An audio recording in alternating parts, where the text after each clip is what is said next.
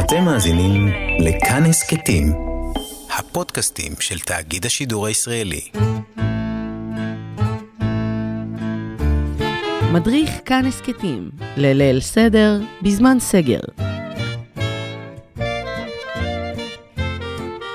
היי, hey, אני אלי ביטן ואתם מאזינים עכשיו למדריך כאן לליל הסדר בזמן הסגר. והיום נדבר על האפיקומן ועל הגדה של פסח עצמה ונרוץ על סדר הסימנים יח"צ, מגיד ורחצה. ואני רוצה uh, לארח ולהגיד שלום לצליל אברהם, חיות כיס, כאן תרבות, שלום צליל. שלום אלי. קדש ורחץ, כרפס, ועכשיו הגענו ליח"צ. יח"צ, סוף סוף מוציאים את הפרופס המרכזי של ליל הסדר, וזה המצה. המצה, אותה מצה שאסור לנו לאכול אותה לפני פסח, היא שמורה ללילה הזה, וחוץ מהמצווה הזו של ליל הסדר, המצווה השנייה בחשיבותה היא מצוות אכילת מצה. עכשיו מוציאים את המצה ומגלים אותה לעיני כולם. אנחנו עדיין לא אוכלים את המצה, ייקח עוד הרבה הרבה זמן עד שאנחנו נגיע אה, לאכול את המצה ולאכול את המרור ולאכול את כל המאכלים של ליל הסדר שבשולחן עורך, אבל עכשיו אנחנו חוצים אותה לשתיים, חצי אחד אנחנו אה, שומרים אה, בין המצות, חצי אחד אנחנו עוטפים והוא החצי שיהפוך להיות האפיקומן. מהרגע הזה עכשיו מחביאים את האפיקומן? עכשיו מנסים לגנוב את האפיקומן. עכשיו, עכשיו מחביאים? רגע, שנייה, לא הבנתי. עכשיו מחביאים או עכשיו גונבים? ב- כמספר העדות בישראל, ויש מאות עדות בישראל, מספר המנהגים שקשורים לאפיקומן, אבל uh, אצל כול, לכולם, לכולם, לכולם ברור שחייבים למצוא את האפיקומן ולאכול אותו, את כולו, באותו לילה. ולכן, הילדים שמבינים את החשיבות המאוד מאוד גדולה, גונבים את האפיקומן ומחביאים אותו. מהרגע שחוצים את המצע, נפתח בעצם המרוץ להחביא את ה... לגנוב את האפיקומן, להחביא את האפיקומן, לחפש את האפיקומן, ואולי לנהל משא ומתן לשחרורו על מתנות. מה אתה מבטיח לי אם אני אחזיר לך את האפיקומן? למה זה כל כך חשוב? כי אם אתה לא אוכל את האפיקומן, אם אתה לא אוכל את האפיקומן בלילה, לא קיימת את המצווה. והילד יודע שאבא שלו חייב לקיים את המצווה, ולכן הוא אומר לו, אני מוכן להחזיר לך את האפיקומן. מה תבטיח לי אה, אה, בתמורה? יש עדות, נגיד אצלנו בבית אסור לגנוב את האפיקומן, כי אבא שלי אוסר עלינו לגנוב. אבל בסוף אנחנו מחביאים ובסוף מבטיחים לנו uh, מתנות. איכשהו המנהג הזה הוא אחד המנהגים הכי חשובים של הלילה הזה. אז רגע, הרעיון זה ש... אבא חייב את האפיקומן, כי הוא חייב לאכול אותו, כי זה משהו שחייבים לעשות בסדר, ולכן הוא ייתן לילד כל מתנה שהוא יבקש. זהו הרעיון. הסיבה לכך שחייבים לאכול את האפיקומן, שהוא זכר אה, אה, לקורבן הפסח. בעצם למצה שהייתה נאכלת עם קורבן הפסח, ואת המצה הזו היו חייבים לאכול בלילה הזה של ליל הסדר, ולכן גם את האפיקומן חייבים לאכול. למעשה, בחלק מהעדות אפילו חייבים לאכול אותו עד השעה 12 בלילה. זאת אומרת, האבא ממש במשא ומתן עם, עם טיימינג לחוץ נורא, הוא חייב להשיג את זה עוד לפני 12 ולהספיק עוד לאכול את זה. ולכן אה, המחיר הנורא יקר אה, של האפיקומן. המחיר עולה. זה היח"צ. אנחנו נאכל את האפיקומן בצפון, הצפון. זה, אז יאכלו אותו. אבל מהיח"צ ועד הצפון, גונבים, מחביאים, מוצאים, מנהלים משא ומתן ואוכלים. אצלנו במשפחה לא מחביאים אפיקומן ולא מחפשים אותו. המשפחה של אבא שלי היא עיראקית, ואצלנו הם, עוטפים את האפיקומן במטפחת, וקושרים את המטפחת אה, ליד או לגב של הילד הכי קטן. והילדים האחרים צריכים אה, להשיג את זה מהילד הכי קטן. להסיח את דעתו, לשחק איתו, להוריד את זה ממנו בלי שהוא שם לב, והוא צריך לשמור על האפיקומן כל הלילה. והכייס הטוב ביותר, הוא בעצם זוכה במתנה. כן. מדהים. כן. אני אומר, באמת המנהגים שסביב האפיקומן כל כך כל כך רבים וכל כך כל כך כיפים, אבל שני הבסיסים האלה הם, הם כזה, אחד, החובה בסוף לאכול את האפיקומן, ושניים, הצורך להעסיק את הילדים. לא להעסיק אותם כדי שלא יפריעו, אלא להעסיק אותם כדי שיתעניינו ושיהיו מרכז העניין, וכשאין ילדים, צליל, אנחנו הילדים. אז מה שמעסיק אותנו, אם מעסיק אותנו לחפש את המטמון בדירה או בשכונה, זה מה שאנחנו צריכים לעשות. ואם מעסיק אותנו אה, להמשיך הלאה אל הסימן הבא, אז זה מה, שמה, רגע, זה מה יש שאנחנו לי עוד צריכים שאלה, לעשות. רגע, רגע. ברור. אמ, בן אדם שחוגג סדר לבד, צריך להחביא לעצמו את האפיקומן? אני מניח שאפשר לעשות את הדבר הזה, אבל uh, זה יהיה הרבה הרבה הרבה פחות uh, משעשע מאשר שניים שמחביאים אחד לשני. אבל גם הבן אדם שצריך, uh, שעושה סדר לבד, צריך לאכול את האפיקומן. אז הוא לא אה, חייב להחביא לעצמו, לא אבל- חייב. אבל לאכ- לאכול זה מספיק. אני אשאל אותך את השאלה הזו בצורה שונה, צליל. בן אדם שחוגג יום הולדת לבד, צריך להביא לעצמו מתנה? לפעמים הוא מפנק את עצמו במשהו, כן? לפעמים הוא קונה לעצמו משהו שהוא רצה הרבה זמן. אז לפעמים הוא מחביא את האפיקומן, ואז מבטיח לעצמו מתנה, ואז מפנק את עצמו. אוי, לשנה הבאה בירושלים, מה אני אגיד שבה, לך? כן. שנה הבאה בירושלים עם כל המשפחה, וכולם גם יהיו הרבה יותר אה, אה, מודעים למה שהם מפספסים, כי כל הזמן אנחנו מודעים לכמה זה לא כיף ליל הסדר. עכשיו אנחנו מודעים כמה נכון. שזה יכול להיות אה, כיף ומעניין, כמה אנחנו מתגעגעים אה, אה, לליל הסדר, אבל עכשיו אנחנו מגיעים, אני חושב, לסימן המרכזי, וזה מגיד. קדש ורחץ, כן. כרפס יחץ, ועכשיו אנחנו מגיעים למגיד, ובמגיד בעצם אנחנו קוראים יחד את ההגדה של פסח, ומספרים את סיפור יציאת מצרים. נשיר? בטח שנשיר. הלחמניה. אני לא יודע מה המנגינה שלכם, צליל. אה, זה מנגינה אחרת, מנגינה אחרת בכל בית? כאילו, בכל עדה, בכל עדה. ויאכלו אבתנה בערה, בערה דמצרים. כל דכפין יתה ויכול. מה, זו מנגינה מיוחדת שלנו? לא נראה לי. תשאירי אותה מההתחלה עד הסוף, זה מעולה. הלחמניה, הלחמניה, דאכלו אבתנה. בערה, בערה דמצרים, כל דכפין יתה ויכול, כל דצריך יתה ויפסח. פה זה קצת מת, מתעמם לי, כי אני לא מהשרים כל כך. לא, לא יודעת איך זה ממשיך. לא, לא זה, אבל באמת באמת לכל עדה ולכל תפוצה אפילו, ואפילו לפעמים בתוך עדות יש כמה וכמה מנגינות אה, אה, ו, אה, ונוסחים שונים לקטע הפותח של ההגדה של פסח. את, את זוכרת מה אתם עושים בזמן הלחמניה? שרים? אז נגיד אצלנו במשפחה, מרימים את קערת הסדר ומסובבים סביב הר- הראש של כל אחד מהנוכחים. עכשיו תחשבי מה קורה בליל הסדר עם 30 בני אדם, אז מסובבים כפול 30 בני אדם. יש מישהו, בדרך כלל זה אני, שצריך לסובב מעל הראשים של כולם. זה לגמרי לגמרי ספורט. אה, ושרים יחד כולם את השיר. שרוב האנשים אה, לא מכירים, לא מבינים את, הפר, את הפרשנות שלו, ואת יודעת אז מה... מה מ- הוא אומר? מה, מסיבה מעניינת. הוא, הוא כתוב בארמית, הוא לא כתוב בעברית, הוא כתוב בארמית, והסיבה לכך, כי אה, רוב השנים יהודים לא הבינו עברית, לא ידעו אה, אה, אה, את שאר הקטעים, וכשרצינו שכל המשפחה אה, תשתתף בטקס, אה, אה, אה, היינו צריכים לדבר בשפה המובנת, וזו הייתה השפה הארמית. אבל הזמנים התקדמו, והיום מעט מעט מאוד יהודים מבינים ארמית, ולכן הקטע הזה הוא, הוא, הוא זיכרון לפעם, וצריך היום לומר אותו בעברית, ויש באמת קהילות שאומרות אותו בעברית.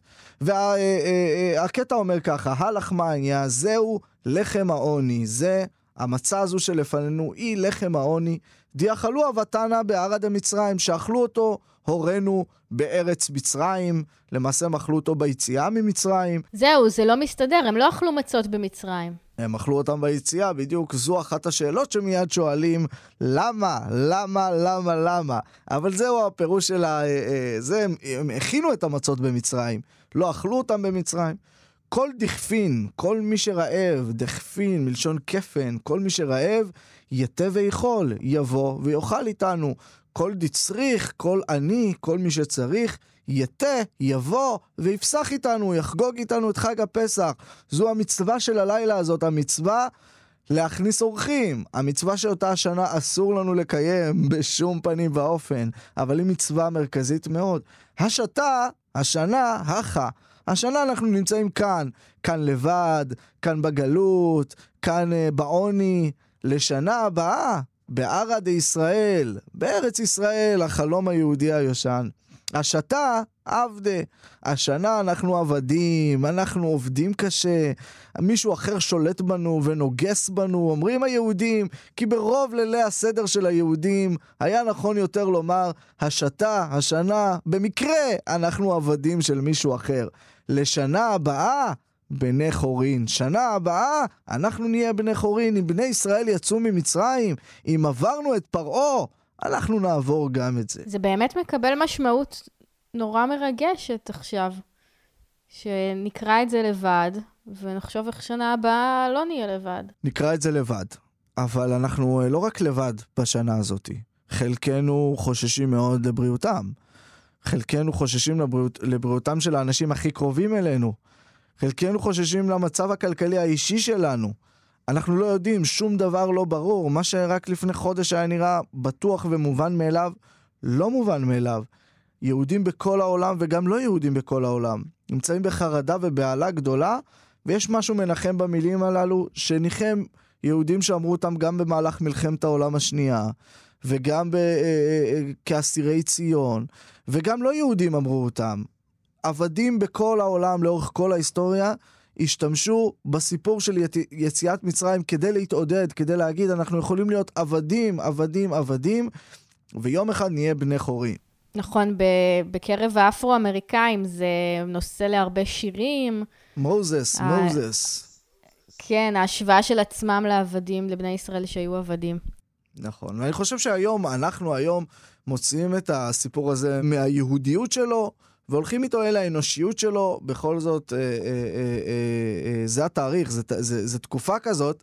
שבה אתה, החלק היהודי פחות חשוב, והחלק האנושי הוא המרכזי, כל העולם כולו שם לב כמה אה, אה, המכנה המשותף בין כולנו רחב הרבה יותר. כן. יאללה, כוס שנייה. מה נשתנה? מה נשתנה? עכשיו אנחנו אה, מוזגים את הכוס השני, עדיין לא שותים. את הראשונה שתינו בקידוש. עכשיו אנחנו בקידוש. מוזגים את הכוס השנייה, שהיא תלווה אותנו לאורך כל ההגדה של פסח. אנחנו נחזיק אותה ביד, ואז נשתה אותה. מוזגים את הכוס השנייה, ואז מתחילים בשיר אולי המוכר ביותר בליל הסדר. תסכים איתי על זה. מה נשתנה? נשיר? בטח שנשיר. מה נשתנה הלילה הזה לא שר. מכל הלילות, מכל הלילות, שבכל הלילות. אנו... השיר הזה, צומצה. השיר הזה הוא באמת, באמת, באמת נועד אה, לילדים. כמו כל ההגדה של פסח, תכף יגיעו המדרשים המורכבים והרעיונות הגדולים, אבל דבר ראשון, אנחנו רוצים שהילד יעמוד וישאל מה קורה פה? איפה האוכל? איפה ה... למה אנחנו עומדים ועם ספרים פתוחים ועם כוסות יין ועם כרפס ומי מלח? מה השתנה? כל הלילות אנחנו אוכלים, יש פה לחם על השולחן, יש פה חלות. הלילה הזה, הקרקרים המוזרים האלה, המצות, מה זה? כל הלילות אנחנו אוכלים מלא ירקות. יש חסה, עגבניות, הלילה הזה כולו מרור, אנחנו אוכלים את, ה, את, ה, את, את המרור הזה, מה קרה? כל הלילות אנחנו לא מטבילים ירקות או פירות, אנחנו אוכלים פשוט. עכשיו אנחנו מטבילים, מטבילים את הכרפס, ותכף נטביל בחרוסת. מה קורה פה? מה זה כל המשחקים הללו? אנחנו בהצגה? כל הלילות אנחנו אוכלים. לפעמים יושבים ככה, לפעמים מסובין על הצד. הלילה הזה כולנו מסובין, אנחנו צריכים לשתות את היין, לאכול את המצה, כאילו אנחנו מלכים שנמצאים על שטיחים וכריות.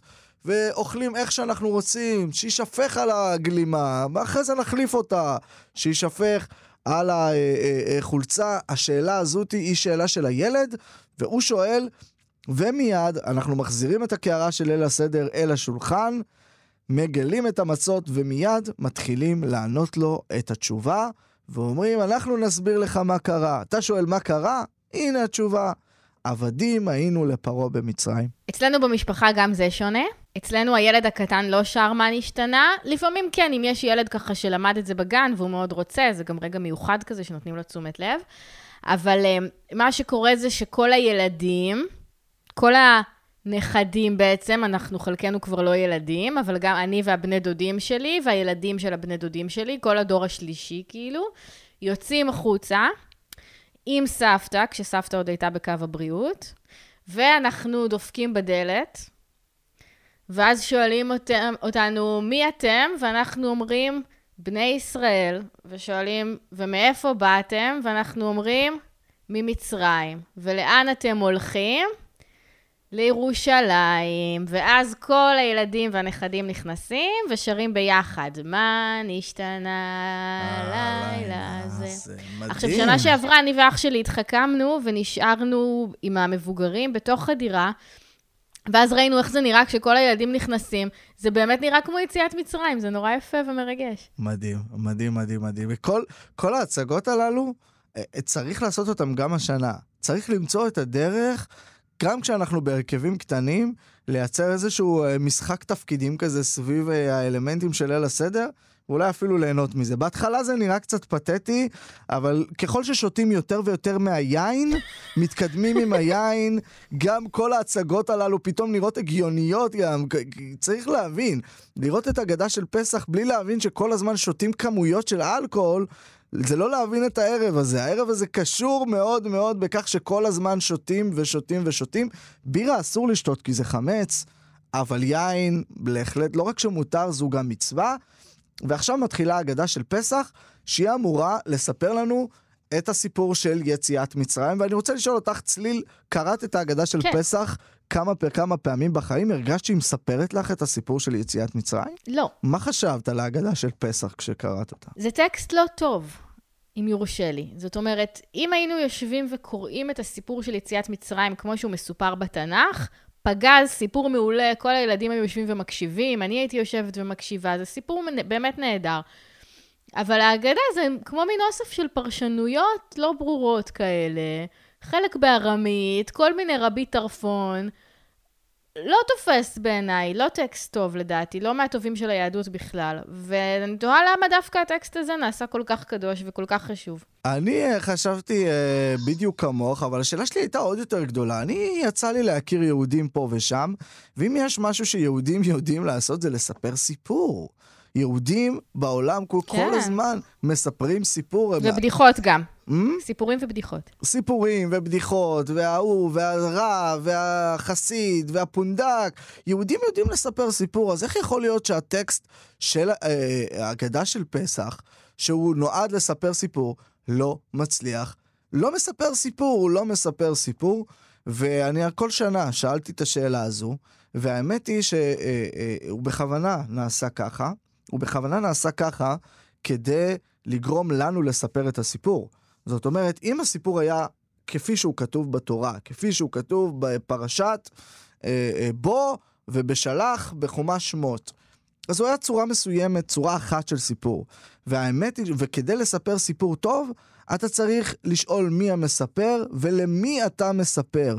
וכדי שאדם שנמצא במרוקו, וגם אדם שנמצא בפולין, וגם אדם שנמצא בניו יורק, אבל גם אדם שנמצא בהודו, כולם יספרו אה, את הסיפור בשפה שלהם, ומתוך שימוש בחיים שלהם ובצבעים שלהם, אתה צריך להשאיר את הסיפור מינימלי. לתת קטע, קטע אחד על עבדים היינו, קטע אחד על ארבעה בנים, קטע אחד על המכות בים ועל המכות ביאור, אבל את הסיפור כולו, אתה זה שצריך לספר, ואני חושב שזה גם האתגר שלנו השנה, שכל אחד מאיתנו ינסה לספר את הסיפור של יציאת מצרים, אולי היציאת מצרים ההיא ממצרים, אבל אולי גם יציאת מצרים אחרת.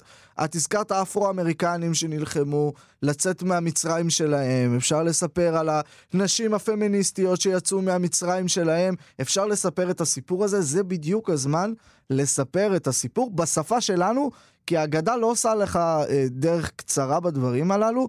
אני רק אומר במשפט שיש חלק מהעדות, יש במקביל להגדה גם סיפור יציאת מצרים, שקוראים אותו ממש כסיפור ארוז, אבל, אה, אבל אה, היצירתיות אה, האישית בהחלט, בהחלט נבחנת כאן. תרצי שנדבר על עוד קטע או שניים מההגדה? טוב, אז קצת אחרי ההתחלה יש לנו את ארבעה בנים. ארבעה בנים, הבן חכם, בן רשע, תם ושאינו יודע לשאול. הארבעה בנים הללו הם יכולים להיות ארבעת הילדים שסביב השולחן, הם יכולים להיות ארבעה סוגי אנשים שאנחנו מכירים מהחיים, אבל הם יכולים להיות גם ארבע צדדים בנו, ארבעה צדדים בנו. לפעמים אנחנו החכמים, לפעמים אנחנו הרשעים, לפעמים אנחנו באמת תמים, לא יודעים, ולפעמים אנחנו אפילו לא יודעים שאנחנו לא יודעים, אנחנו לא יודעים לשאול. זה הקטע הזה שהוא באמת מדבר ומתאר איך כל אחד מהבנים שואל את השאלות שלו בלילה הזה. קטע אחר שרציתי לדבר איתך, והוא אה, אה, מוכר לנו מאוד, זה השיר די דיינו. השיר די דיינו הוא אחד השירים הפולניים והמקסימים ביותר של הלילה הזה. כמה מעלות טובות למקום עלינו. את רוצה לשיר אותו ביחד? אמרת פולנים? כן. זה לא עובר? לא, זה מעניין אותי למה אתה חושב שזה פולני. זה שיר כזה של, אה, אם אה, עשה לנו רק את זה ולא עשה לנו זה, היה מספיק, זה היה מספיק לנו, אבל זה לא היה מספיק. בסדר, גם טוב, מה צריך יותר? באמירה של מה פתאום, ברור שהיינו צריכים יותר. גם זה היה מספיק טוב. נשיר? אז אצלנו זה ככה, אילו הוציאנו ממצרים ולא עשה בהם שפטים, דיינו. נראה לי זה די כלל ישראלי, לא? כן, זה מוזיקה ישראלית. אני כן. מניח... אז זה לא אצלנו, זה ככה, כן. אצלנו יש מנגינה אחרת, אבל זה ממש רק אצלנו. איך, איך זה אצלכם, תשיר? הוציאנו ממצרים, ולא עשה בהם שפטים, דיינו, אילו. עשה בהם שפטים, ולא עשה באלוהיהם, דיינו, אילו. זה מנגינה ג'רבאית כזו, זה לא, לא באמת... אה, אין בה ממש אה, זה.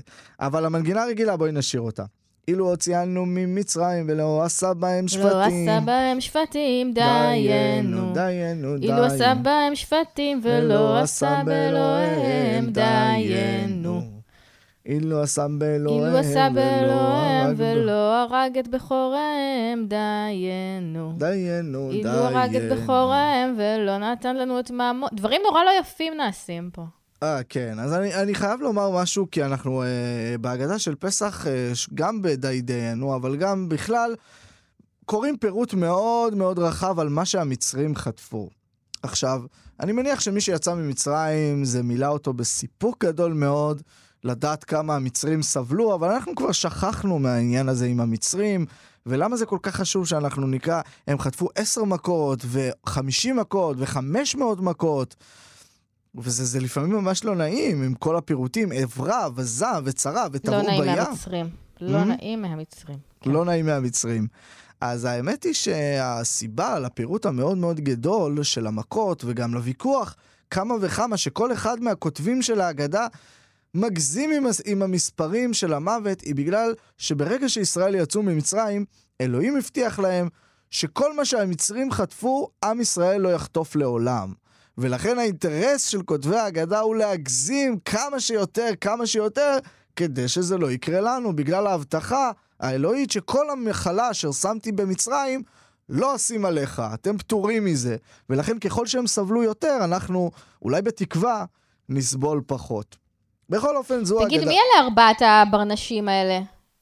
אליעזר וטרפון וגמליאל ויוסי הגלילי, מה, מי, הם האנשים שכתבו את ההגדה? מי אלה? לא, אז בעצם, בעצם הם תנאים מגדולי התנאים. תנאים זה בעצם אה, הדור כותבי המשנה, שזה מיד עם חתימת התנ"ך, אפילו רגע לפני חתימת התנ"ך, החלו תקופת מתי התנאים. זה? זה אה, לפני אלפיים שנה, ממש, סוף אה, חורבן הבית, חורבן הבית השני, בזמן חורבן הבית השני, מתחילה תקופת התנאים, תקופת התנאים, והם כותבים את המשנה, זה היצירה שלהם, היצירה הגדולה. הם כותבים וכותבים, היא נערכת בדור השישי לתנאים, אבל יש שש דורות, וארבעת ה- הת- התנאים הללו, אה, שמסיבים יחד בבני ברק, מה שכמובן השנה הם לא היו יכולים לעשות, הם אה, אה, עושים, הם, הם נמצאים כאן כדי לספר לנו מה המצווה של הלילה הזאת, לספר ביציאת מצרים כל אותו הלילה עד הבוקר. אני רוצה להקריא לך רגע את המדרש. ממש בתחילת ההגדה אנחנו אומרים, מעשה ברבי אליעזר ורבי יהושע ורבי אלעזר בן עזריה ורבי עקיבא ורבי טרפון. חמשת האנשים הללו באמת הם הגדולי, גדולי התנאים ביותר. רבי עקיבא נחשב, ש- משה רבנו ראה אותו ברוח הקודש ואמר, האיש הזה גדול ממני. באמת מדובר פה במנחילי היהדות, והם יושבים ביחד. היו מסובין בבני ברק.